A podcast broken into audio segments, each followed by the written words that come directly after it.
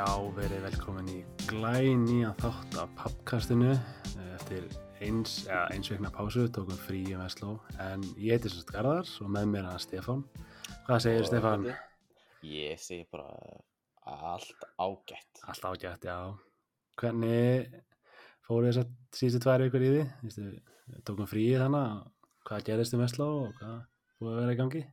Við, það er búið að gerast svolítið mikið, sko. Já, Það byrjar alltaf á, á taugáföllunum hjá mér, sko. já, já, það er ljótt að hlæja þessu. Nei, það var ekki að hlæja þessu, þetta er, Æ, þetta er ekki er- vera gott. Nei, þetta er alveg lett. En hérna, já, mjög alvarlegt. Bara að fólk munið að hugsa vel um ykkur og ekki vera að ofkera ykkur og alls ekki ofkera ykkur í of langa tíma á þess að taka pásur. Það Það er er hárið rétt. ekki gott. En þannig að ég sagt fer í veikindaleyfi. Það er bara að fara með mig til læknis og, og hérna, dæmdur óvinnu hæfur. Mm Og ég á að vera að kvíla mig í tvær vikur og á mánudeginum eftir taugafall að þá veikist Erla mjög hratt. Og ég veikist og Áróra veikist. Og við náttúrulega förum öll í panik um það að við séum COVID. Já, þannig er náttúrulega ný bylgja að koma að fullum krafti. Það er nýbylgi að koma þarna, einmitt, delta afbreyðið komið búið Mhm. að breyða sig vel um Ísland, um, sérstaklega á höfuburgarsvæðinu sem við erum. Og þannig að við þurfum að panta okkur tíma í skimun, sko, ég, Erla og Áróra, öll sömul. Mm En auðvitað fáum við ekki tíma fyrir daginum eftir á, þannig að við erum hérna fárveik í einhvern tíma. Þannig að sjá hvað þetta er, við sem sagt, veikjumst öll mjög hratt þarna um þrjúleitið á mánudeginu. Já. Og komumst í skimum síðan um, nýju Mhm. og þriðdagsmótinu. Þurfum að býða í röð í sko, klukkutíma. Já. með hérna 40 stegi hitta og beinverki alveg. Komið í var- sjóvarpinu. Við komum í sjóvarpinu alveg sástu okkur? Nei, nei, þú bara sendið snappaði. Ég setti snabbt sá það. Já, já. Setti, setti það líka í stóri á Já, Pappalabba. já, akkurat líka. Mér mun að fylgja Pappalabba. Já, pappa, já, já. Se- Shameless plug. Shameless plug. Hei, hérna, allavega. En sem betur fyrir þá kom neikvægt út úr því, en Mm það kom, já, það kom neikvægt út úr því og ég svo skánaði svona, þú veist, hittin fór svolítið niður, en ég var svona pínu slappur, en samt ekkert eitthvað hræðilegt, ég var náttúrulega bara veikur en þá, eða þú veist, taugarnar mínar Mhm. í, í bylli og Erla, en Erla skánaði ekki neitt, sko, hún var fárveik.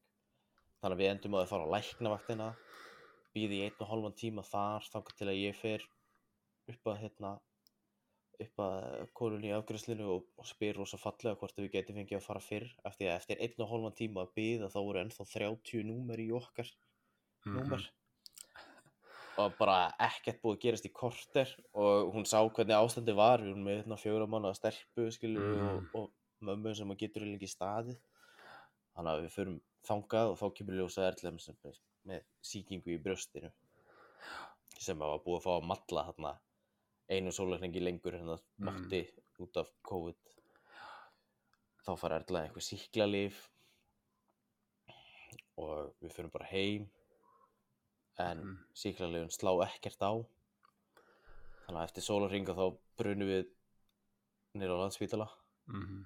og förum sex sinnum á landsbítalan á 36 klukkutífum því að. Erla þurft að fá síklarlif í æð Mhm. og og þetta var alveg það slæmt á tímabili sko að Erla var það veik að hún, hún gat ekki einu sinni lagt áróru á brjóst sko ég þurfti að leggja áróru á brjóstið hjá Erlu Mhm. uh, sem að er bara fárálegt og sérstaklega sko eh, þegar, þú ert nýbúin að fá taugafall og átt að vera að kvíla þig og Já. þá einhvern veginn hrinur allt svona yfir og það var sérst Mhm. það sem gerist við mig síðan var ég fór hérna til læknis síðan nokkru dögum setna og kom í ljós að ég væri með sérst svona uh, hérna streitu sérst veikindi sem voru framkvölduð að streitu álægi uh, sem að brutist út í mér þarna. Þetta er svona Og svolítið mikið allt í einu. Það er rosalega mikið rosalega mikið allt í einu Mhm. um, og náttúrulega landsbítalinn er bara að drukna í álægi Já. eh, og Ég held að allt heilbriðskjæri sinni bara nánast að drukna, hvað sem þú horfir sko. Þetta er, eða svolítið mikið álag á alla þannig og algjörlega, við náttúrulega bara sko, þú veist, náttúrulega þökkum fyrir fólkið sem bara er á vaktinni mm, og, og það er náttúrulega algjör skilningur að, að það er ekki alltaf hægt að sinna öllu nei. alveg um leið. En maður náttúrulega sjálfur skilur líka ég segja, þitt sjóna með að vilja náttúrulega fá aðstóð fyrir þína, þína konu og bann þannig að það sé sem best. Maður skilur það alveg. Það er að maður er með veist, Já, já, að það kom- og- það kom að það sem sagt að hún var tekið blóðpröfa úr öllu þarna í fyrsta skiptið og, og uh, það var ekki haft samband aftur þó svo að blóðpröfan kom ekki vel út. Já, þá var ekkert haft samband aftur fyrir hana að hérna einstaklingu sem við þekkjum innan spítalans ringir í okkur og spyr hvort það hefur haft samband. Mm þetta að viðkomandi uh, skoðaði sérst, sá blóðpröfuna sjálf. Já, og þetta er bara svona típist svona álagsmistök held ég rosalega. Það er bara allt í gangi og það gleymist Já, eitthvað algjörlega, sérstaklega inn á svona veist það er fæðingar í gangi og já, bara eh, rosalegt í gangi. Og COVID náttúrulega líka allstaðar og ekstra álag á öllum. Sumir með ekki fara í sumafrí eða fá lítið sumafrí já það er kallað inn. sástu, í fréttunum fyrir nokkru dögum það sem var konan sem var kom úr fæðingarólu ég las hana, hún setti inn á Facebook hjá sér og sá einhverju vera að deila og þetta er rosalegt, hún bara með hvað, fjara mánuða Já, hún, bara, hún var ekki að gömul Já. áróru Já, einmitt. Bara mætti aftur í vinnu bara á COVID-dildina bara, Þú veist, þú veist ekki eins og búin að jafna þið almennilega í Nei. líkamannu myndilega sko eftir fæðinguna nei, hún Hún líka bara- vaktina líka að setja sjálfa sig bara svolítið í hættu að fá eitthvað. Já, þetta er bara rosalega bara þetta fólk á heiðu skili sem er að að framlýninni sko, það er alveg þannig. Algjörlega og sérstaklega meira skilið heldur en innegni sketchers Já, við skulum, að, við skulum ekki fara kannski alveg í þessu umræðu, við stoppum þannig kannski. Er þetta ekki politist podcast? Nei, við skulum ekki ekki alveg strax ekki alveg strax. Við skulum ekki ýta fólki frá okkur strax. En já, eftir allt þetta saman þá endaðu að við bara flúðum til Akureyra Já. Bara, þar sem að við erum eða svona okkar hérna fóreldrar eru á Akureyri. Mhm. og við vorum bara svolítið í, í svona faðmið þeirra sko, svona Mhm. stuðning og, og, og kelihið komið heimsó til komum við heims og kíktum á litlu, litlu vinkonuna sem að er komin með nafn. oh my god. það var skýrn í gær, já, það er sunnudagur í dag skýrn í gær, hún fekk nafnið Stella Garðarsdóttir. Stella Garðarsdóttir sko. þetta er þetta er svo geggja sko, til hamingju aftur. Takk fyrir það, takk fyrir það. Bara gott að vera búin að þessu, maður er búin að vera að halda þessu nafni inn í veist, hérna, passa sig að missa þetta út úr sér og alls konar, fólk alltaf að spyrja, já, er búin að velja og þetta og að gíska á nöfn og maður alltaf að reyna alveg. já, Já, oh my god, hvernig var samt skýrnin ykkar? Hvernig var, hvernig var þetta?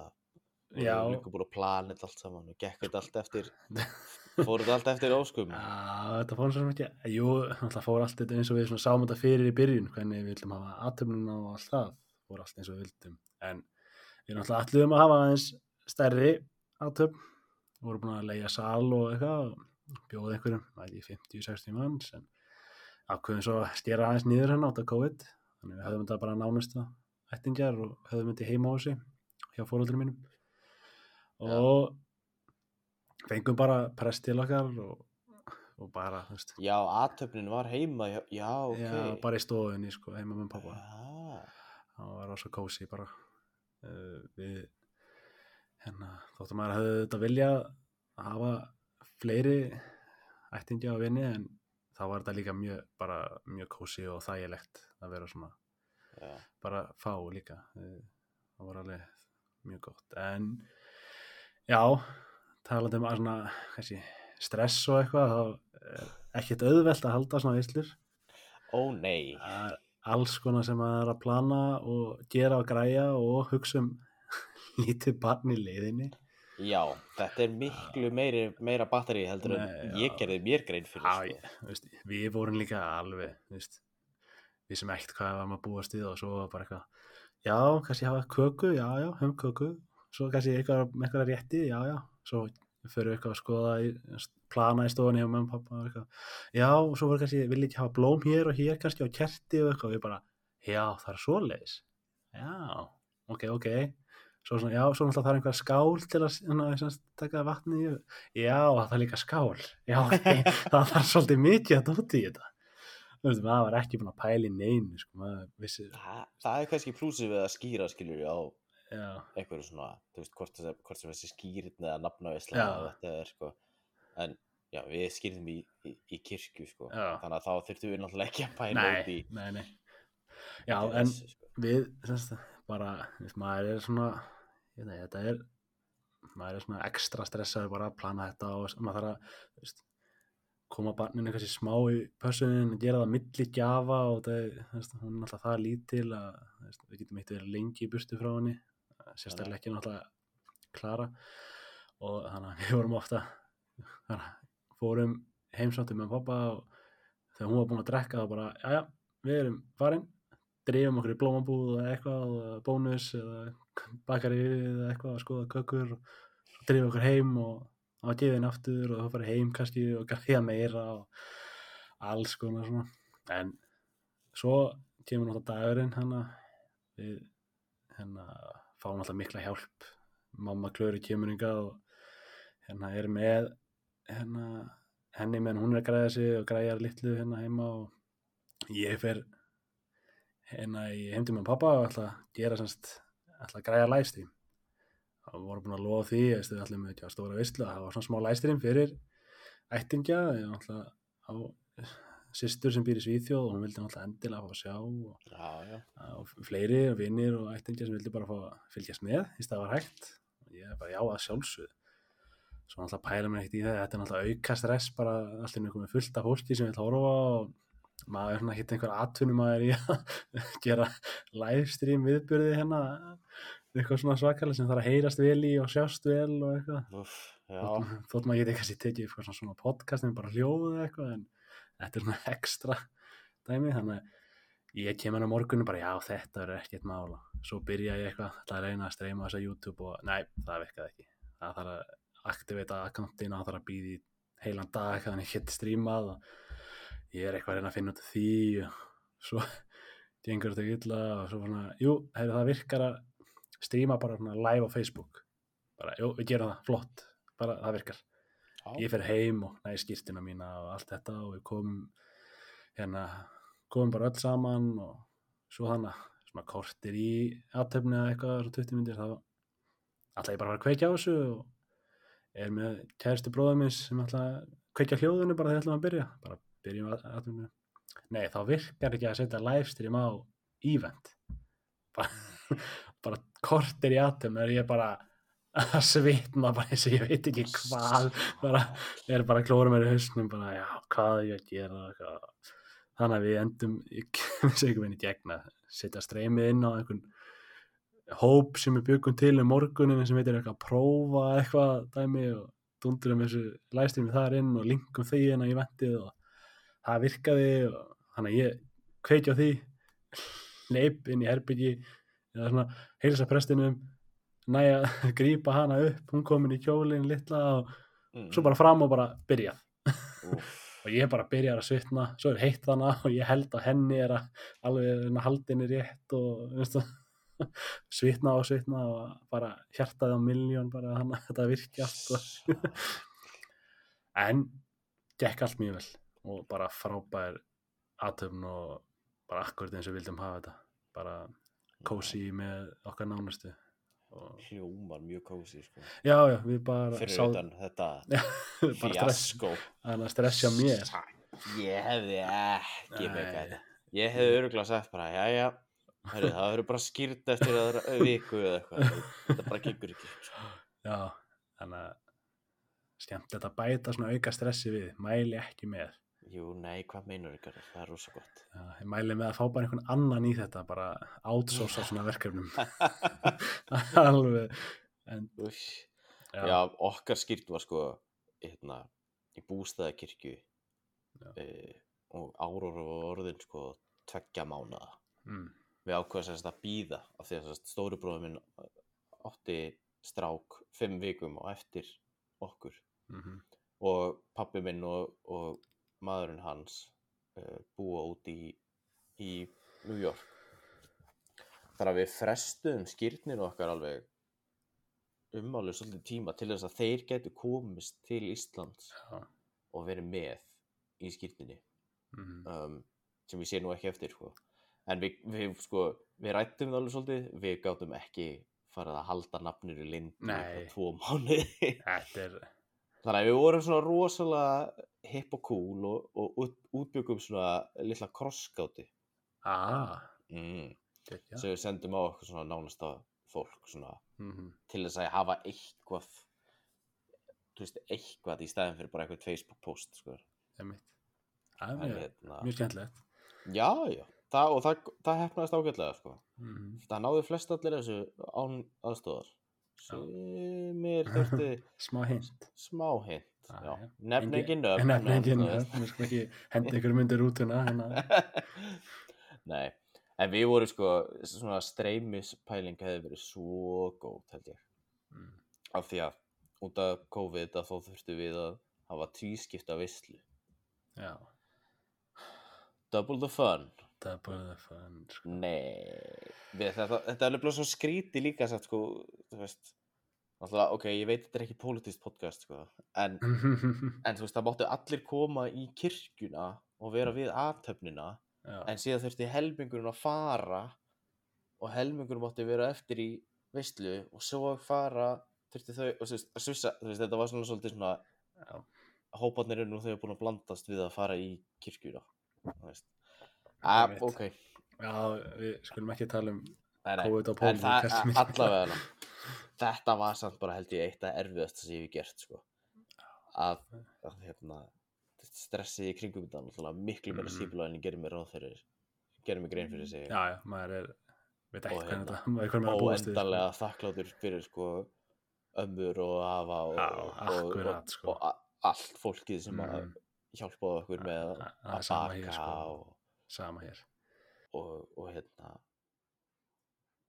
og, og gera hérna gera allt. En við vorum sérst já í bústaði kirkju og með safnarheimilið þannig þurftum svo sem ekki að pæla út í því Nei, nei. um, sem voru svo gott sko. En ég man bara eftir fyrstu veisluna þá var ég búinn.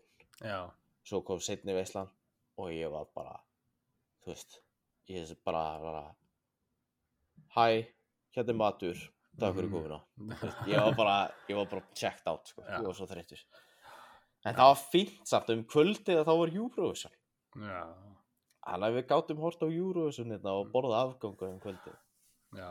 Það er kannski svona eitt sem ég sé við að halda, eins og við heldum stýrina bara í heimahúsi, mm er, þú veist, maður gætt bara sest í sófan heima. -hmm. veist.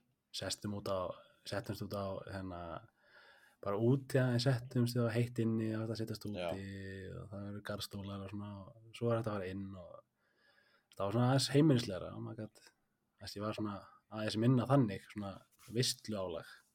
já, ég trúi það því sko. svona, ég trúi því sko. Ég, þú veist, ég farið í nokkra nafnavislur sko. Þú veist, til dæmis eins og fyrir rúmi einu og hálfu ári að þá fór ég nafnavislu í, í heimahúsi sko, sem að Siðment var með. Mhm, uh, og rosalega bara svona fallegt og kósi og, og það er eitt og erðlega mitt söngi í þessari í, veslinu og svona, þetta var Mhm. bara rosa þægilegt sko og hérna en ég veit alveg að það getur, hlýtur samt líka alveg að vera einmitt sko stressandi og síðan þú veist sérstaklega þegar það er e, allir frágangurinn og allt Já. svoleið sko það er gott að eiga góða að já, algjörlega. En kannski að næsta máli, þá er, það styttist í Finnland. e, já, Þið eru alveg á fullu að græja fyrir það, ekki? já, jú, heldur betur. Um, það er líka gott í veikindalefi í hérna tauga áfalls uh, hérna, recovery að fara að skipta flytja beint til um að- umhverfi. að vera að fara að flytja til annars, annars lands með fjóra, næstu í fimm mánuða batn það er rosalega og það er, það er heimsvaraldur og Já, lítið að- bakland í Finnlandi, kannski. já, ekkert bakland. Eða jú reyndar, það er reyndar það komur óvart, það var, það var mjög mjög skemmtilegt hérna, hérna sjátt á, á, á, á þig að þú ert að hlusta hérna, much appreciate fyrir að komið í hérna eh, komið í samband við mig hérna.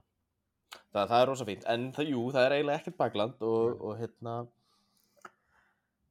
og þú veist, jú, auðvitað maður rosa spenntur eh, og Mhm. hérna, en, en mjög stressaður á sama tíma. Já, eða þannig, en við erum, jú, við erum búin að vera hérna, við sem sagt erum að, ætlum að leigja út íbúðun okkar á meðan og, Mhm.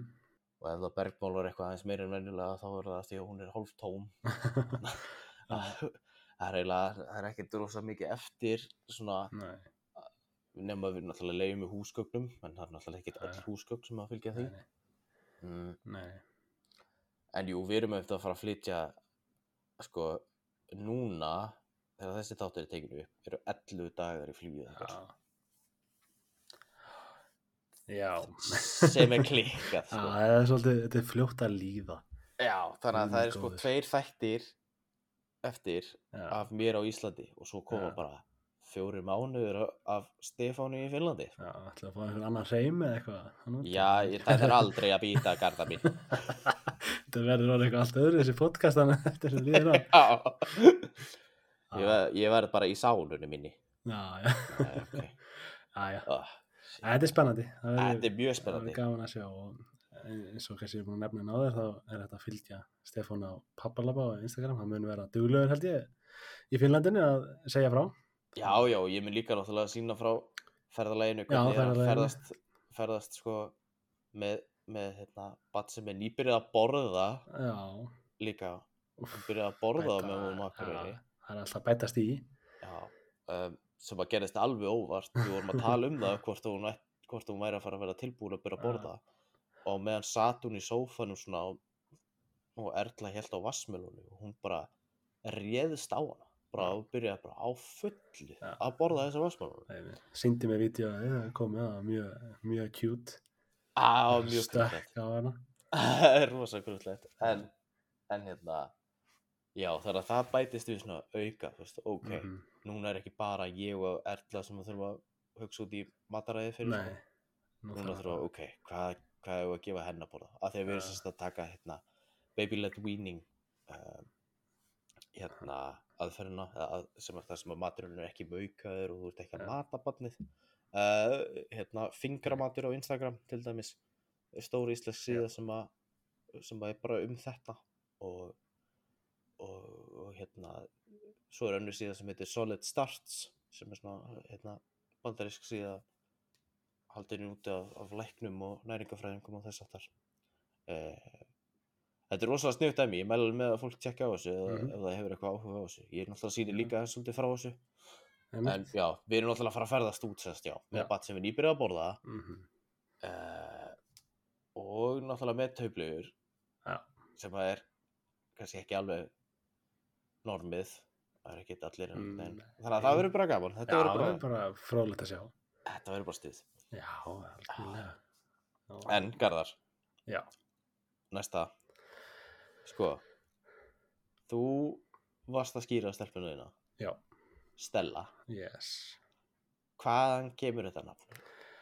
Sko Við byrjum svona frekar fljótlega bara að ræða veist, nöfn sem kemur til greina. Það við náttúrulega vissum ekki kynið. Mm eins og svo sem líka. Þá hérna vorum við bara náttúrulega að ræða bæði stráka og stelpunum og við fundum einhvern veginn bara mjög fljótt strákanafn sem við fýlum bæði og var bara, það var bara lokt inn, ég veit ekki hvena, það var bara mjög snemma -hmm. og hérna tók aðeins lengur að finna stelpunafn sem við vorum sammála um það var eitthvað, veit ég ákveður að það var erfiðara en við vorum sérst með hérna app sem kallast nefna held ég, Jú, já, Já. þetta íslenska svo já, íslenska Já. já, við vorum hérna, það kostar einhverjar nokkur hundur krónur Já, Fá- ég held að við höfum náðið það líka, ég manna já, ekki alveg. en það er þetta svona veist, maður getur séð hundra vinsalistum maður getur séð all og maður getur séð eitthvað svona alls konar töff, mjög flotta rosa, rosa sniðut. Já, mæli með ef þið er að er erfileikum með að finna nafn uh, og við erum bæði þannig að við vildum ekki stýri höfuð á neinum Eða Já, ok, þetta er ekki, þetta er ekkert tekn. Nei, þetta er ekki tengt neinum þannig séð, ekki svo við vitum allavega. Uh, Já, bara Stellu í Ólófi myndinni. Já, nema því. Uh, uh, Vá, hvað þetta var, góðu brandari Góður Stefán. brandari. Þú ert fyrsti sem segir hann brandari. Pappkastið, pappa Já. brandarar, sko. Já, já, já. Já, við erum, vorum svona, vildum kvorugt farið það að nema, kannski spoiler, þannig að ef þú veist rákur þá var, fekk ég að velja millinafni þetta, ég heiti Garðar Már og bróður minn heiti Fannar Már, pappi minn heitir Jón Már, þá var Márnafnið svona eiginlega komið að þetta hefur verið strákur, Já, það var svona nokkuð, nokkuð örugt, ok, þá veit ég hvað ég sitt peningi minn á ef það kemur strákun, veist. já, Það veit ég mest millinafnið, en við þess, já, við bara einhvern veginn fundum þetta. Það voru einhver svona veit ég, eitt, tvö nöfn sem voru svona voru svona fílum bæði að stelpum og svona einhvern veginn bara vex voks þetta nafn á okkur einhvern veginn bara og við Já. það alltaf betur og betur og það var bara valið sko. Já, og svo bara þegar við þú veist, þannig að eftir fæðingu þegar við fengum hann upp á fæðingadeld og vorum að prófa þá bara fannst okkur að passa strax og það var bara já, Ákveðið, sko. þið, þið mátuðu samt nafni. já, já, já, við vorum alveg svona á hvort annað bara, er þetta ekki Stella? og við bara, jú, jú, þetta er þetta er hún, Æ, og það var það bara það var það bara ákveðið, sko Ó, það er svo geggjað. já, þetta var eitt svona flókið svona eftir að þannig það var bara rosa sátt og Mhm. ánað með nafni, sko Já, já, ég, en, ég finnst það fara ykkur? henni líka, sko. já, Bara takk svona, bara svona, þú veist. já, takk fyrir það Við vorum sko, við vorum líka eins, við vorum komið með nafn alveg, alveg bara svolítið snemma, skilju, þú veist, Mhm. náttúrulega eins og segir, við sem ekki kynið, Nei. en við vorum komið með strákanafn og, og stelpunafn, sem við vorum alveg bara svona ákveðin á, mm. og ég var alveg búinn svona, veist, ég var með svolítið þannig mindset, sko, að, veist, að nafn er bara nafn, Mm. það skiptir ekki, þú veist, hvað, þú veist, nafn passar ekkert, hvað meinar það, það passar ekki einhvern einn, það er bara við Nei, alla það, nafn er bara nafn, veist, það fær bara nafn og það heitir það og ert það. Já, nákvæmlega, ég var alveg þar sko sem er svolítið svona ekkert eitthvað rosa flott.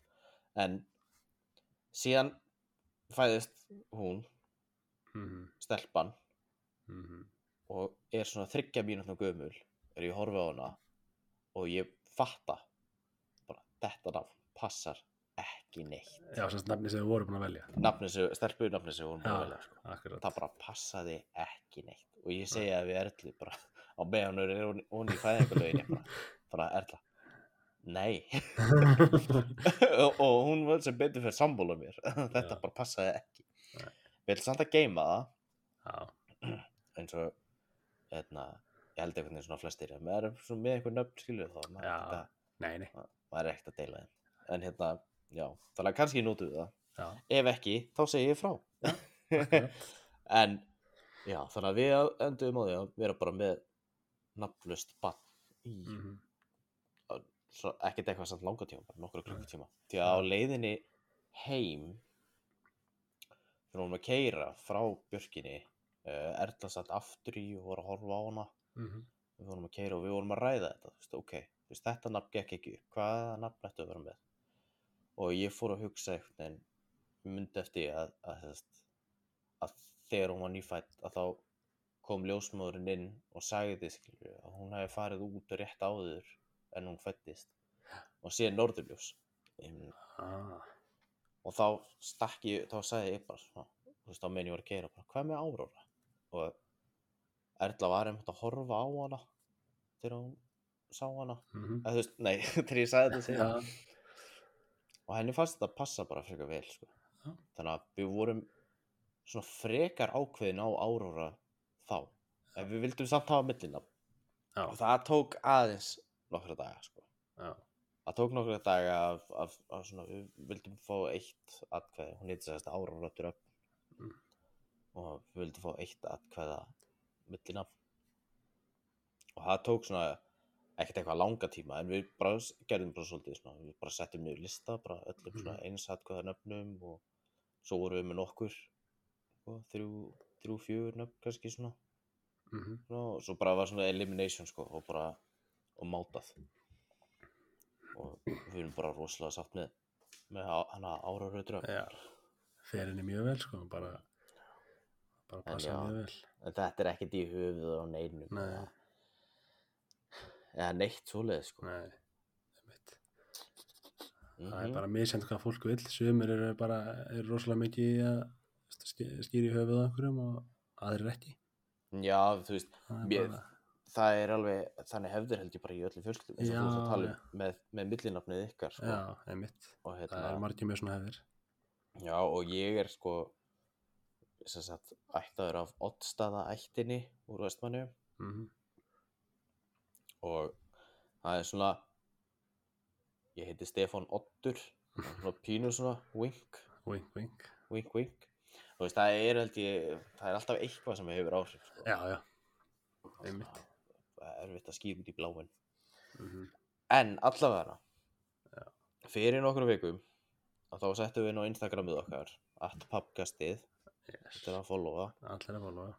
um, það settum við upp hérna hvort það væri einhvern með spurningar Mm. fyrir okkur til þess að tala um Já, bara eitthvað svona, eitthvað sem þið vildu vita og mm. við erum búin að velja tvær spurningar. Já, við fengum nokkra spurningar, við völdum svona tvær um, fyrir spurningin er uh, snýst svolítið um me time hvernig náðu að hugsa um ykkur sjálf með lítið barn uh, smá me time til að halda andlegri hilsu Já, hvað Garðar, hvernig hvernig gerir þú þetta? sko, uh, það er svona svolítið erfitt. Maður þarf að komast upp, kannski einhver, ef maður ætlar að gera þetta regla og þarf að finna kannski einhverja rútínu og svona þannig. Það er svona lítil rútína komin á okkur, svona núna. Já. Það er bara svona svolítið, nýja fæsk bara. Við veitum Mhm. bara sofa þegar maður sefur og drekka þegar maður drekkur. Allt það.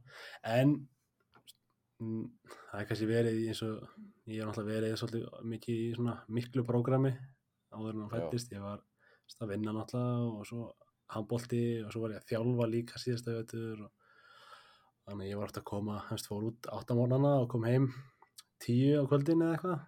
og kannstu þetta þegar þú Já. bjóst með mér Já, já, akkurat. og eins og það gefur að sína að það er ekki hægt að gera þetta með e, lítið barn. Þannig að Nei, það er mjög erfitt þú setur, makaðin í mjög erfiða stöðu þú ætlar að gera þetta já, þannig að maður þarf að kvarta niður einhver staðar. mm En svona alltaf að ná einhverju me-time þá er, ég tekið, hvað ég segja, tvisvar, svona me-time alvöru, svona bara fara í tölvuna og spila smá tölvuleiki sem ég veist mjög gaman. -hmm. Og það hefur bara komið niður á svefni sem er kannski ekki besta kosturinn að velja og maður er ekkert alltaf sáttum með sjálfan sig daginn eftir Nei, og maður les svona að það segja já, svefni er mjög mikilvægur og þú ert bara að sofa þegar þú getur og barnið sefur vel átt að sofa og þannig en maður svona, ah, klukkutíma tölunni, klukkutíma sem verður svo tveir tímar skilur mm og þá er maður búin að missa þessa tvo tíma í svefn og maður er döðþrötti daginn eftir og maður er meira pyrraður og stittir þráður og þannig. Já, en kannski svona það besta sem við höfum komist hjá okkur er bara við höfum stundum skipst á að fara í göngutúr. Mm. bara í hverfinu bara, bara ein þá já, bara ein.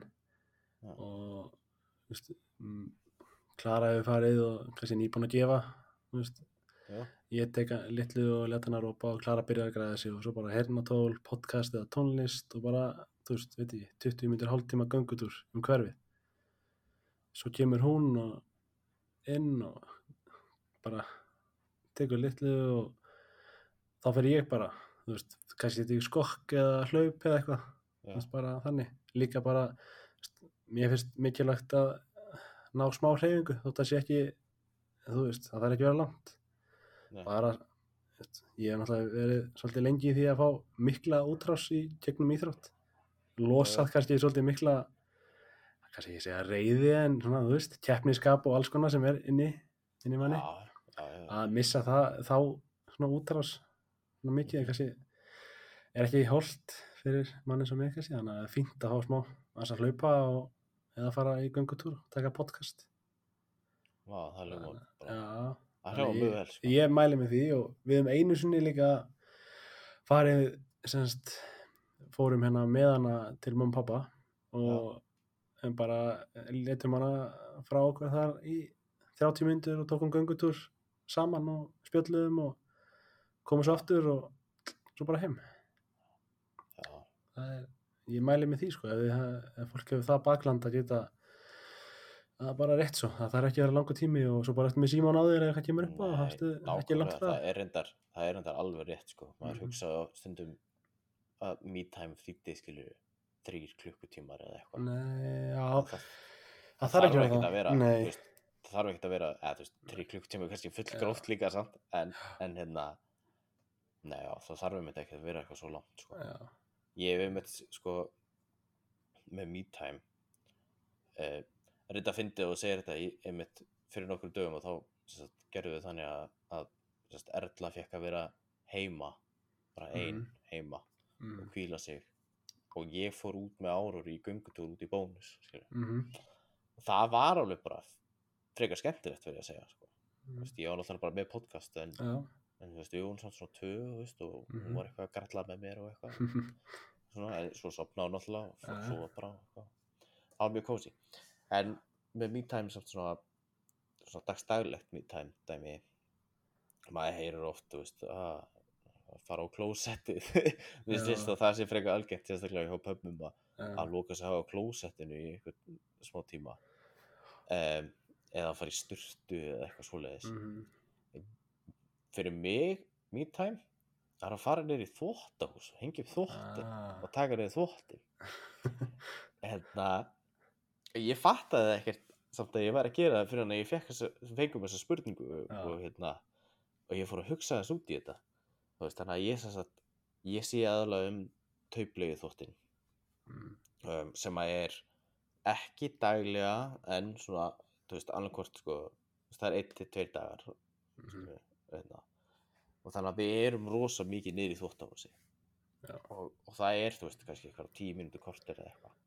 Og þá fer ég mitt bara niður með Airpodsinn og, og, og kveikja okkur á podcasti og bara Mm. að hengja upp þvóttaðelinni þar og taka niður gamla þvóttin og brjóta saman og eitthvað svona en einmitt, eftir við fengum þessa spurningu núna að þá er ég er ég duglegri að bjóða Erlu að, að fara niður í þvóttahús sko. Já, til, út, af því að ég bara hefði það, var ekki fyrir þessa spurningu. Ég fattaði að þetta væri þetta er alveg svolítið me time að, að þú fer bara einn og ert bara einn að dunda þér að einhverju öðru bara svona frekar heilalust þannig og ert bara að sinna einhverju sem er ekki bannið og það en er ekki að vera 100% on. En svo líka, má kannski nefna það kannski að svona í gegnum tíðina hefur kannski me time, veist, hjá köllum verið svolítið bara, fara bara í vinnuna. Já. Það er bara, veist, eftir tvær vikur, mánuð eða eitthvað, það var náttúrulega hitt þannig sem fæðingur, það er bara me time, var náttúrulega, þú veist, þeir 8-4 eða, þú veist, fyrr sem er unnu kannski, veit ég hvað menn er að vinna, 12 tíma eða eitthvað. mm Það var bara, það var me time hjá þeim, það var í vinnunni og, algjörlega þannig, það er líka einmitt sko þú veist eins og ég talaði um minni mig eitthvað tján síðustu viku eða, það- síðasta þætti eða það síðasta þætti eða eitthvað með gungu þættinum held ég Mhm. að, að það einmitt þegar ég COVID var og allt var læst og allir voru að vinna heima en, en vinnar mín var þannig að ég þurfti að mæta á staðinn og þá náttúrulega var það líka alveg svolítið, já, eins og það segir svona Já. mítæm, skilur, maður kúpla sig út úr aðstæðinum og svona og, Já, já. og það, er, það er ógeðslega erfitt að vera, þú veist með barnið í 8 klukkutíma Algjörlega. Það er ekkert veist, þetta er ekkert dans á rósum skilur og, Nei, algjörlega. og hlutir geta veist, breyst og, og, og gerst og það, það er aldrei neitt eitthvað sem er bara svona veist, það er engin jú, auðvitað er rútína en rútína getur alltaf breyst. Já, það getur alltaf komið eitthvað upp á sem að breytir því. Algjörlega og maður það hefur kannski oft verið þannig í tíðina að konur hafa kannski tekið þetta mestmægnis bara á sig hérna að vera með barnið svona mikið og veist hafa Já, ekki fengið bara- ekki mikið me time kannski svona. Nei, alls ekki, ég meina það er náttúrulega Mm. bara við erum náttúrulega bara þú veist, náttúrulega hérna, náttúrulega hérna, feðraveldið sko. Já, sem að feðraveldi og kardræpu og veist, þetta, allt þetta dæmi veist, það spilar rosalega stóran part í og, Já. og, og ég allavega veist, mér finnst vera komin tími til þess að breyta þessu. Já, og, og hérna og finnst alveg sko já, ég veit það ekki. Nei, og svo er líka oft tala um veist, það er hort tilbaka og maður hugsa bara, þessar konur voru bara algjörða hetjur og kraftakonur og ofurkonur og eitthvað. Sjálfsögðu voru það það en, veist, það hefði alveg held ég þegi hjálp, hefði það fengið það. Já, ég held það nú líka. það er, þetta er svolítið bara, veist, sumur konur sem voru að sjá um bara heilt heimili og ég veit ekki hvað, þrjú til tíu börn eða eitthvað, ég veit ekki hvað sumur voru með þú veist, ég, þetta verið rosalega erfitt það eru svakalegt álag. Já, og ekki, ekki kvörtuðu þær mikið held ég. Nei, það Já. náttúrulega var bara ekkert í búið búði þannig að það er sko. ég, maður getur ímyndið sér hvað mítam hefur verið þar ég veit ekki hvað þær hafa fundið hann hvort hann hefur nokkuð tíma verið einhver. Ég er bara þú veist, í kistunni eða eitthvað. Já. ég veit ekki. Það er líku við sko. þetta er, þannig að það er gott að þetta sé kannski eitthvað að breytast og við vonum að við séum að vekja smá umræð um þetta að það sé hægt að deila þessa milli já, algjörlega, það er náttúrulega hægt að gera sko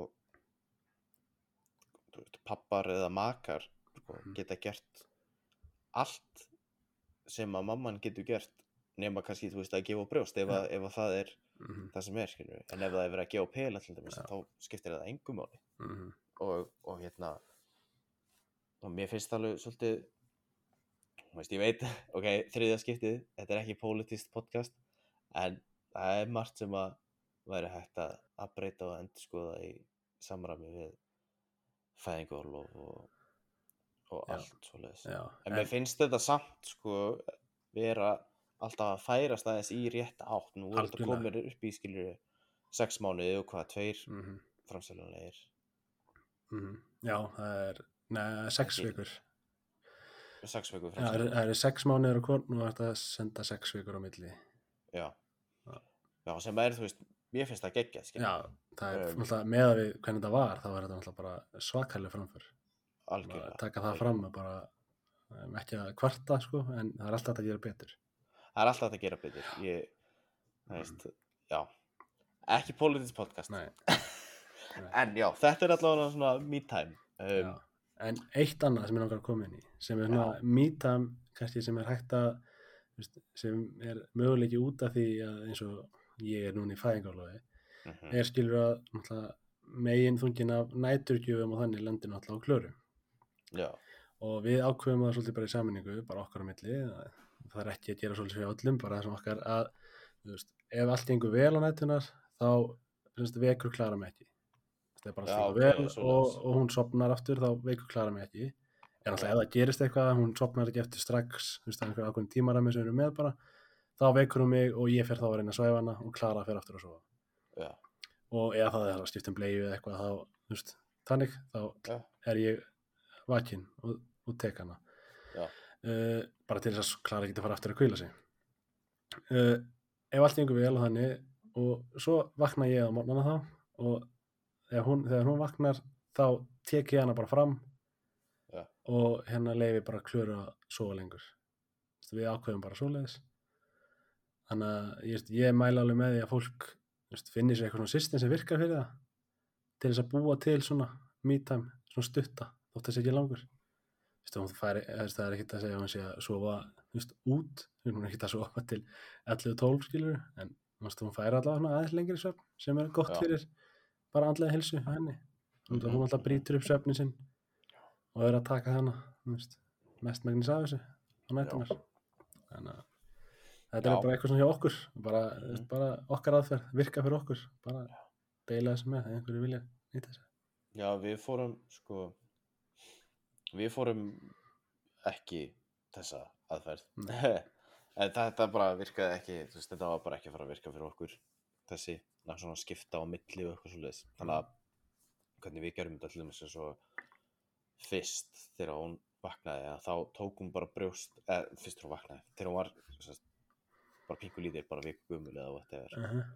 hún þurfti náttúrulega að fá hún þurfti að fá smá ábót þarna fyrstu vikuna mm og tók brjóstið bara á eina vegu uh, sem var erfitt að gefa þú veist til dæmis upp í rúmi Mhm. uh, þannig að við þurftum alltaf Erla þurfti alltaf að fara fram í stofu í, í semst brjóstakjöfa stól stólinn sá að keftur Mhm. til þess að vera bara brjóstakjöfa stól um, og þurfti að koma sér fyrir og svoleið sko þannig að það er, var alveg mjög mikið vesend að gera það ein sérstaklega með svona pingu lítið bad þannig að hvernig við gerum þetta var það að við vöknum bara bæði saman Mhm. um, og hjálpuðumst bara að uh, og meðan að Erla gaf brjóst að þá fór ég og græjaði ábútuna og, og svo svona skiptust við á þú veist að, að gefa ábúti eða ekki og svo einmitt tók ég hana og leta hana rópa og þannig Mhm.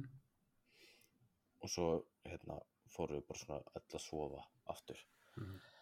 uh, og það er eiginlega svipað nú í dag sko Mhm. um, þegar árára vaknar á nóttina þá böknum við öll aðla bara því að við náttúrulega eh, sko, þú veist, ég vakna við þetta sko Mhm. Þú veist, ég gæti ekkert verið bara eitthvað að hún þú veist, er að gráta því hún er svöng snúa mér á hinna hliðina það er bara, það er ekki ég. Nei, nei, nei. Ég, ég þarf að vera bara með í því ég veit að, þú og það er ekki að segja þú veist að, út af því að þú getur gert að þá sér þú eitthvað verri pappi Nei, nei, alls ekki. alls ekki, alls ekki, það er alls ekki að segja Það er bara að virka fyrir mismöndi fólk. virkar er, já þannig að það verður þannig sem sagt á, á nóttunni núna til dæmis og þá Mhm. hérna, vaknaði og ég tek hana upp og ég býð henni koppin og, og hérna og svo og meðan er Erla að græja sig til að geta gefið henni smá súpa Mhm. og svo legg ég hjá henni legg ég hana hjá Erlu og, og svo þegar það er búið þá tek ég hana upp og, og ef hún rópar þá rópar hún og ekki veist, og legg hana aftur í rúmi sitt og svo Mhm. höldum við áfram og svo Já. þetta er bara svona Já. virkar fyrir okkur Já.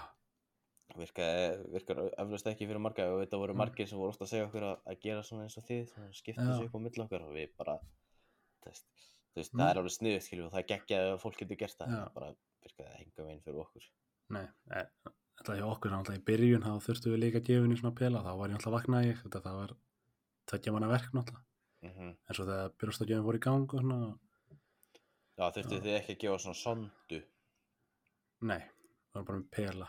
Já, ok, við þurftum sko við vorum með sko sprautu já, í svona sondu sem er svona lítið slanga. Mm, og það var sérst sett svona meðfram brjóstinu og gerfustinu til að reyna að örfa sko mm brjóstið. Það, tók, það var mikið vesen. Já, ég trúi því. Út af því að einhvern veginn að reyna að koma þessu allir fyrir og svo þurfti sprautan að vera ógætlega heit einhvern veginn, eða þú veist, náttúrulega líka siti og ábótinu og eitthvað og síðan gekk það ekki upp almennilega og þá þurftur einhvern veginn að halda þessu svona á litla puttanum og, og láta hann að sjúga en samt svona sprauta en samt ekki af þú þurftur að já, fá hana út af hún var, sérst, var pínu löt og fekk þá fekk þar alveg pínu gulu. Mm, og svona. Þetta var alveg, þetta var ekkert skemmtilegt sko. En það er bara þannig að þú veist, fólk finnur bara hvað það virkar fyrir sig Já, algjörlega, það er En- engin, það er engin ein rétt leið. en ég mæli náttúrulega með að veist, pappa er alltaf bjóðið fram aðstóð ég gerði það líka, ég sagði, ég get alltaf vaknað með þér og segi henni að hún eigi að vekja mig ef það kemur eitthvað upp á Já, þannig að það algjörlega. er bara veist, það er alltaf bjóða fram aðstóð það er alltaf, finnst mér nöðsynlegt Já, það 100%. getur verið sjálfstætt og mamma getur sagt bara, jú, jú, ég redda þessu en veist, þetta er meira en að segja það stundum þetta er nefnilega það, sko. Eins og þú segir, það tekur alveg á andlega heilsuna, veist, söfleysi og allt það. Já, þannig að ég, það var líka alveg harður á því, þú veist, klöru að ef það tekur því veist, langan tíma að svæfa hana eftir allt, þú veist, þá bara Mhm. vekur um mig og, þú veist, ég fer bara að, þú veist, labba um með hana eða, þú veist, svæfa hana Já. og hún fer bara svo. Það er bara, það er nöðsilegt að allir hvílist eitthvað allavega. Já. En já, við fórum svolítið langt út fyrir þessa spurningu, en það Já, allt í- þetta var- allt í góðu. Já, ég meina, þetta er bara, þetta er bara svona létt spjall þáttur. Já. Næstu þættir verða kannski svolítið. Já, meira Svolítið öðruvísi. fókusaðir, aðeins meira Mhm. fókusaðir. Já, En það var að hinn spurningin og það er langað ykkur alltaf að vera pappar og í framhaldinu er það eins og þið helduð. já. Sko, vilt þú byrja að Já, þú byrjaði að síðast, Já, ég skal, ég ok. skal byrja núna. Takk til það. Um, ég, mér langaði að, mér hefur alltaf langað til að vera pappi. Um, ég var, hef oft verið kallaður að ég sé bara mjög pappalegur, að ég sé algjör pappi. En það var ég kosin pappi útskriftafærðarinnar, hérna, úr Emma, sem var- Sætla minninga. Sætla minninga, geggjað, en já, þannig að ég hef alltaf verið svona svolítið, Mm. svona, svona frekar pappalegur held ég í um, svona hegðun og ég var alltaf að passa upp á alla og eitthvað svona. Um, eins og er alltaf held ég bara eins og flest allir sko, þú veist, þú ert á úlingsaldri og spara nei, ég ætla aldrei að hugsa Já, börn kúka og slefa, Já. oi. En hérna en það er alltaf breytist skilur bara, bara, við- já, kannski aðeins að tala um, hérna, tala um kannski þú ert svona að fullornast, hvort að það er þá að byrja það, ég held að sinna. nei, hvað mennur ekki, ekki Ég held að sé ekki margir átt ára eða að hugsa um að vera pappar. já, Það er kannski ok. einhverjir, kannski Já, einhverjir. ok, ok, ok. Þú veist, jú, ég er þetta að tala alveg um það, þú veist, já. þegar ég ákrakka, þegar ég verð pappi. En allavega. En, áframhaldið, er það Mhm. eins og ég held, ég bara veit það ekki. Nei, það er rétt að segja Ég- sko. Þú veist, ég náttúrulega vissi eiginlega ekkert, sko, hvað ég var að fara út í annað en að ég myndi vera með eitthvað lítið kríli, skiljum. Mhm. Ég hins vegar vissi ekki hversu ótrúlega sætt það myndi vera. og tvö, reyndar, eitt annað sko. um, það er alltaf að tala um skilur hérna um, fólk, það, það er alltaf að tala um að, að hérna, veist, ég vissi ekki að vera hægt að elska svona mikið Mhm. uh, ég var um þetta að ræða þetta við örlum mína núna í, fyrir viku eða svo um, sko veist, ég veit ekki hvort ég myndi flokka þetta sem ást. Um, þú veist, þetta er meira einhvern veginn svona bara svona þú veist, auðvitað elska hana en, en þú veist, tilfinningin er einhvern veginn þetta er svona eitthvað svona præmal svona, bara þú veist, ég verð að vernda og passa og sjá Já. um þetta skilur Passa allt sér bara 120%. já, þú veist, þetta, er einhvern veginn svona þú veist, allt fyrir bara í overdrive skilur Mhm. en, þú veist, það fyrir náttúrulega líka allt í hvernig þú skilgrinir Já, já. ást ég, Mm. þú veist, ég skilgrinni ást sem þú veist, svona fyrringur í maga og, og þú veist, svona, þú veist allt þetta skilur, svona þess að klísju Mhm. romantíkar ást skilur kannski er það ekki það sem er, ég þetta, ég meina barna mitt gefur mér ekki fyrring í maga. Það væri fyrir góðslegt, kannski köttu við þetta út. En hérna en já, þetta er meira svona bara veginn svona þú veist, algjört einhvern veginn bara svona þú veist, ég heyra Mm. hana smá gráta skilur, veist, bara þarf að hoppa til skilur, Já. þú veist, og, og þegar hún hlær skilur, þannig að bráðna ég innan og eitthvað skilur, veist. Þetta er alveg eðislegt en þetta er líka alveg ógeðslega erfitt Já, já. alveg ógeðslega erfitt Þetta er það. en þú gerðar, Sko, langaði því alltaf að vera pabbi nei, kannski ekki alveg, svona, kannski svona aftast í hausnum. Það var það alltaf hana, jú, jú, ég er alveg til í þetta á endanum, já, þú veist. En það var kannski ekki tverinn að hérna, hvað það segja, hljóma rosa, hvað það segja, rosa romantist eitthvað að maður tala við réttu manneskjuna, þá kemur það kannski svona, þú veist, þegar maður hittir hana, þá Mhm. kemur, verður þetta kannski svona raunverulega og þá svona, jú, jú, með henni, þá verður ég til í þetta. Þú veist, maður er ekkert að pæla í þessu einn, kannski eitthvað, bara eitthvað, já, við kannski bara með eitt gríli hérna hliðina með bara einn eitthvað. Nei, nei, nei En svona þegar að það, It þegar, takes two to tango já, svona þegar, þú veist, við fórum að spjalla um þetta, þá svona, jú, ég væri alveg til í þetta, þetta er eitthvað sem er spennandi. Já. Og þannig að, get ekki sagt að það alltaf verið svoleið sem er langað að pabbi, þetta var svona meira svona áunnið kannski. Já. Töluðu þið mikið um þetta eða? e, kannski ekki eitthvað rosalega en alveg smá sko það var svona e, við fórum fyrir eitthvað hratt bara í allt í sambandinu okkar. Það ekki að við nefndum ekki að taka öll þessi skref eða einhver svona dæmi þetta var bara all-in eða ekkert. Þannig var alltaf sambandið okkar. Rosalega mikið við það. já, það var bara svona það er bara let's go. Mhm, þetta er bara byrjað og þannig að við svona fáum kannski tiltölulega fljótt að tala um þetta. Ekkert kannski endla, þú veist að hugsa um að fara að gera þetta fljótlega eða bara svona að ræða Nei. þetta. Mhm, mhm. það var alltaf svona pælingar en, en svona í framhaldinu er þetta eins og ég held? Njá og nei já og nei. Já, þú veist, ég maður alltaf, alltaf maður heyrir alltaf eitthvað. Það er, þú veist það er svefleysi og býtu bara þarna, býtu þarna býtu bara. Það er svona, maður fær svona oh skil, maður fær svo Þetta misvitandi bíddu bara. Sko, maður fær svo misvitandi skilabóð sko, Mhm, þú veist, maður fær hérna þetta er að best í heimi. Og svo farið maður kannski svona svo þetta er að gerast að bara já, býtu bara þegar barnið sefur ekki. Býtu bara þegar koma tennur. Býtu bara þegar þetta gerist. Maður bara, heyrðu, má barnið koma fyrst eða, áður en ég fer að lenda í öllu.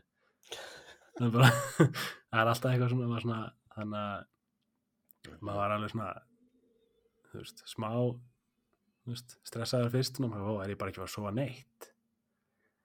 Það er neitt svoleiðis en svo, þú veist bara gott dæmi og vorum að horfðum á hana líftafnar saman og þá er hana er hana eitt par sem segir frá því að þau lendi einmitt í þessu. Það var alltaf verið hana bara býði, býði bara þegar hann hættir að sofa nóttinni eða býði bara þegar veist, þetta. Já. og þá sögðu bara, við ætlum ekki að býða, við ætlum bara að njóta. Við ætlum bara að njóta það sem er að gerast núna. Veist, ef hann segir vel á nóttinni núna þá ætlum við bara að njóta þess að sofa þú bara heitt tími senna og við einhvern veginn ákveðum bara að gera það svolítið svoleiðis. Þú veist, við ætlum bara að njóta núna. Veist, hún er að sofa vel á nóttinni núna. Veist, við ætlum bara að njóta þess. Ef það breytist, þá bara breytist það. Ef það breytist ekki, er bara frábært. Það er bara mjög glöð með það. Þannig að þetta er þetta er samt aðeins öðru sem maður bjóst við. Maður held kannski að þetta er þú veist, jú, jú, það er smá grátur hér og þar. Mhm, en ekki það, kannski það er svolítið óþægilegt að barnið hans er búið að kannski vera ösku gráta í nokkra mínútur eða eitthvað og maður veit ekkert hvað er að og maður er alveg byrjar að panika og byrjar að líða illa barnið líða illa og maður er komin langt niður bara geti ekki gert neitt og heldur maður að sé umölu fóreldri og gangi ekkert upp og þú veist og svo var kannski eina sem var að maður þurfti bara veist, leggja niður í smá stund og anda sjálfur og róa sér sjálfa sér niður og þá róaði spannið niður. Já, veist, það er það er svo mikið að segja sko. já, hann er maður maður er ekki, það er margt sem maður lærir. Það er ekki þetta, held ég, ég held að það sé ekki þetta undirbúan mann fyrir þetta. Nei, og, og þegar fólk segja þetta sé þú veist, það besta heimi þá er ég, jú að, bara mörguleiti er þetta algjörlega það og en það er líka rosalega margir þú veist, erfiðir punktar sem að það er að, þú veist, komast yfir líka. En, þú veist, núna þegar maður er byrjar á þess að myndi ég ekki stifta þessu út fyrir neitt sko. nei, þú veist, ég myndi aldrei vilja bakka tilbaka nei, það er að bara, töfum það á hreinu það er bara enga veginn. en mér finnst allt í lagi að tala um að þú veist, ef fólk er að hugsa um að eignast börn eða eitthvað þannig, þá er þetta þetta er alveg, tekur á og það er bara fullt af erfiðum hlutum og ég er ennþá að læra bara svona, þú veist, hvernig maður á að höndla sem að hluti Algjörlega. Og þess vegna hjálpar svo rosalega mikið líka að vera í góðu sambandi. já, Uh, við tveir erum báðir rosa hefnir já, með, með, hérna, með okkar maka. já. Um, ég held að sé líka kannski lítið tala um sko, það er alltaf að tala um bara jú, þetta er lítið svefleysi og það er mikið að um eða eitthvað, en þetta er líka rosalegt álag á sambandi á, og ég held að það gleymi svolítið í umræðinni þegar fólk er að fara að vera veist, veist, þetta er veist, það er alveg rosalegt álag þegar fólk er stundum líka, já, lítið sofið það hefur áhrif, mhm, það er smá pyrrað barni búið að gráta mikið og maður er svona svo það þarf að gera þetta það þarf að gera hitt og það að þvóttavel það þarf að taka úr þvóttavelni og það þarf að þrýfa þarna og það þarf að skipta um blegjum og allt þetta. Mhm, að þú veist það er bara, eins og við höfum alveg lent í því og maður sé bara opið með það þú veist að stundum verða maður smá pyrraður en Mhm. Veist, það skiptir bara máli að bara leysa bara tala saman. Það er held ég bara mikilvægast í þessu er að veist, ekki loka sig af. Algjörlega. og ég veist, á það kannski svolítið til bara með hvernig ég er að en að loka mig af frekar en að opna mig. Og það er bara eitthvað sem ég er að og það tekur bara tíma en ég maður er að reyna. Já. þannig að, þannig að ef fólk á í einhverju svona vandræðum í svona uppbyldinu og þannig að bara tala saman Já, það er- bara það er algjörlega númer 1, 2 og Já. 3 sko. það er eftir að leysa flest vandamál held ég með því að tala saman Já, ég, ég myndi alveg segja bara Já. næstu í öll vandamál Já. sko. að Það er að bara reysa bara næstu í öll vandamál bara með því að tala um saman já, segja hvað er að og reyna að finna lausnir mhm, út af því að þú veist, þetta litla kríli sem við eigum skilur það er ekkert að fara næstinni sko. Og ef við ætlum að láta einhverja litla hluti pyrra okkur og við verum pyrrið þá mun það bara koma niður á banninu. Mhm, þannig að það er svolítið mikilvægt bara veist, vera uh, ég veit ekki við bara sem dæmi þá er við náttúrulega er klara að læra hjúkunarfræði er búin að lesa svo mikið um veist, allt barnadæmið og allt þetta og er miklu meira lesin en ég. Mhm, þannig að veist, uh, með uppeldi veist, hún var kannski búin að svolítið hérna, ekki segja ákveða hvað við ætlum að, hvernig við ætlum að fylgja hverju svona þannig, en hún var búin að lesa mjög mikið til um það. Mhm, og þú veist, að það er hún bara að vera að útstýra fyrir mér af hverju við ætlum að gera þetta hvernig við ætlum að gera þetta. Veist, það verður bara veist, koma mér inn í hlutina.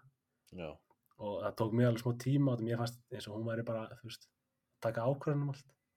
En hún Já. var ekkert að gera það þú veist, hún var bara reyna að útstýra fyrir mér af hverju henni fannst þetta betra. Þú veist, hann er bara hlutur sem þú veist, maður heldur að sé að vera þú veist, útloka mann úr hlutverki. Já, en það veist, er hún bara að hjálpa til. Þú veist, þannig að bara að tala saman. Já, ég kannast rosa mikið við þetta. Einmitt, sko, Erla mitt datt alveg mjög mikið inn í það Mhm. að lesa sér til um allt sko, og kynna sér mjög mikið af hlutum. Og, Mm. og hún eftir um sko svona rætti þetta við mig. En hún rætti þetta svona meira svona svolítið svona eins og þú veist svona sagði frá hlutum svo, Mhm. svona hvað mér finnist hvort að mér finnst þetta vera sniðut eða ekki sko. Og hérna það er bara, já bara geggjað sko. Mm og þú veist, svo líka veist, er allt í lægi eða finnst mér að þú veist uh, að fólk hefur náttúrulega þú veist, mis mikinn áhuga hlutum mm og Klara hefur rosalega áhuga á börnum og uppeldi og alls konar svoleiðis dæmi alveg bara miklu meira en sagt, ég hef áhuga á því -hmm. og það er ekkert að segja það að ég sé eitthvað veist, verði verri fóreldri eða eitthvað út að ég hef áhuga á barninu mínu Mm en þannig að hún hefur bara miklu meira áhuga á öllu veist, bara Já. öllu sem tengist veist. þannig að hún veit bara meira það er svolítið í þessu veist, en bara að tala saman, ræða þetta þá var þetta koma öllum á sama level sko. já, algjörlega.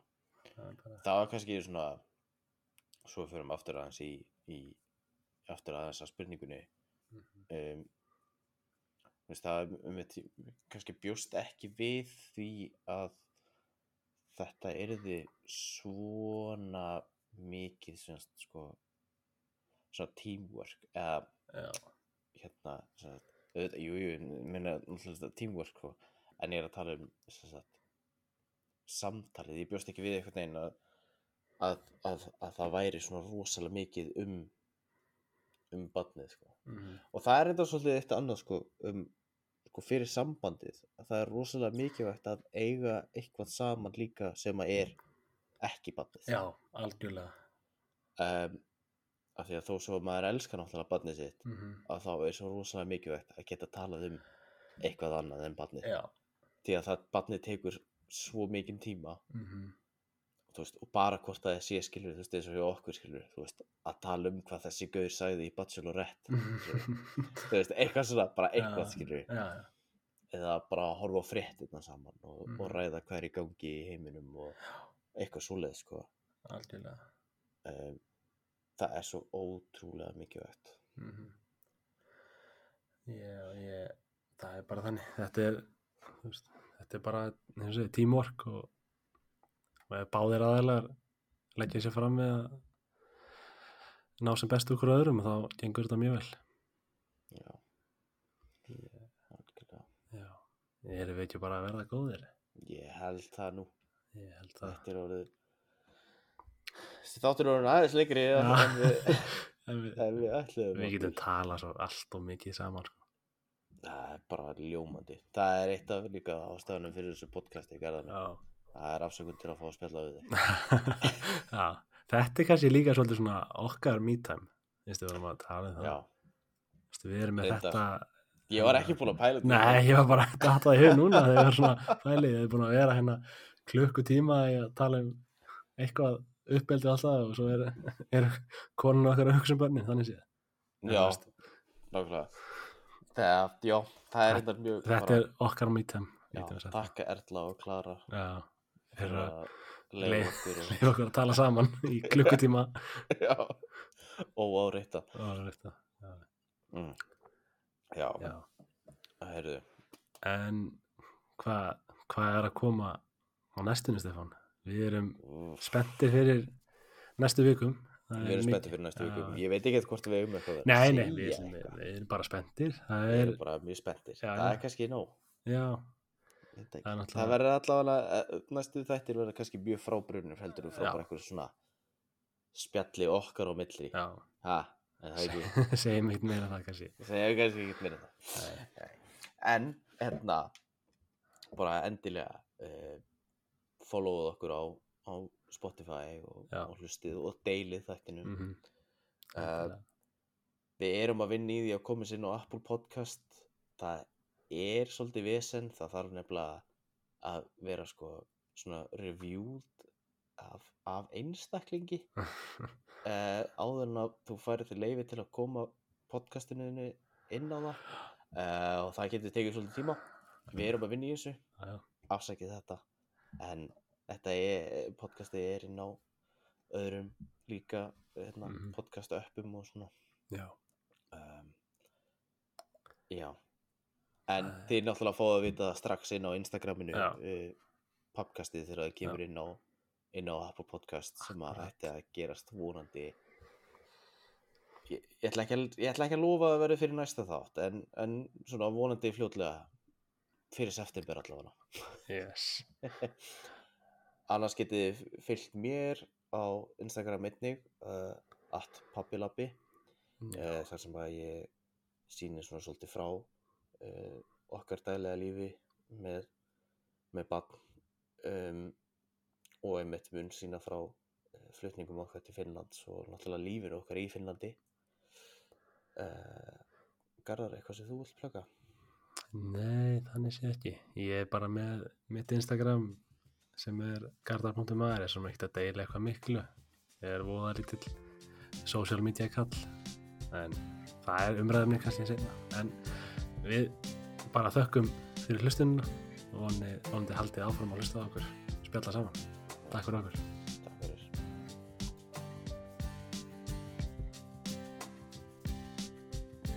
Við viljum þakka henni Írisi Rós fyrir að leifa okkur að nota tónlistina sem er í introinu og hljómar hér undir. Endilega kíkja á hljómsveitina hennar Haf á Spotify.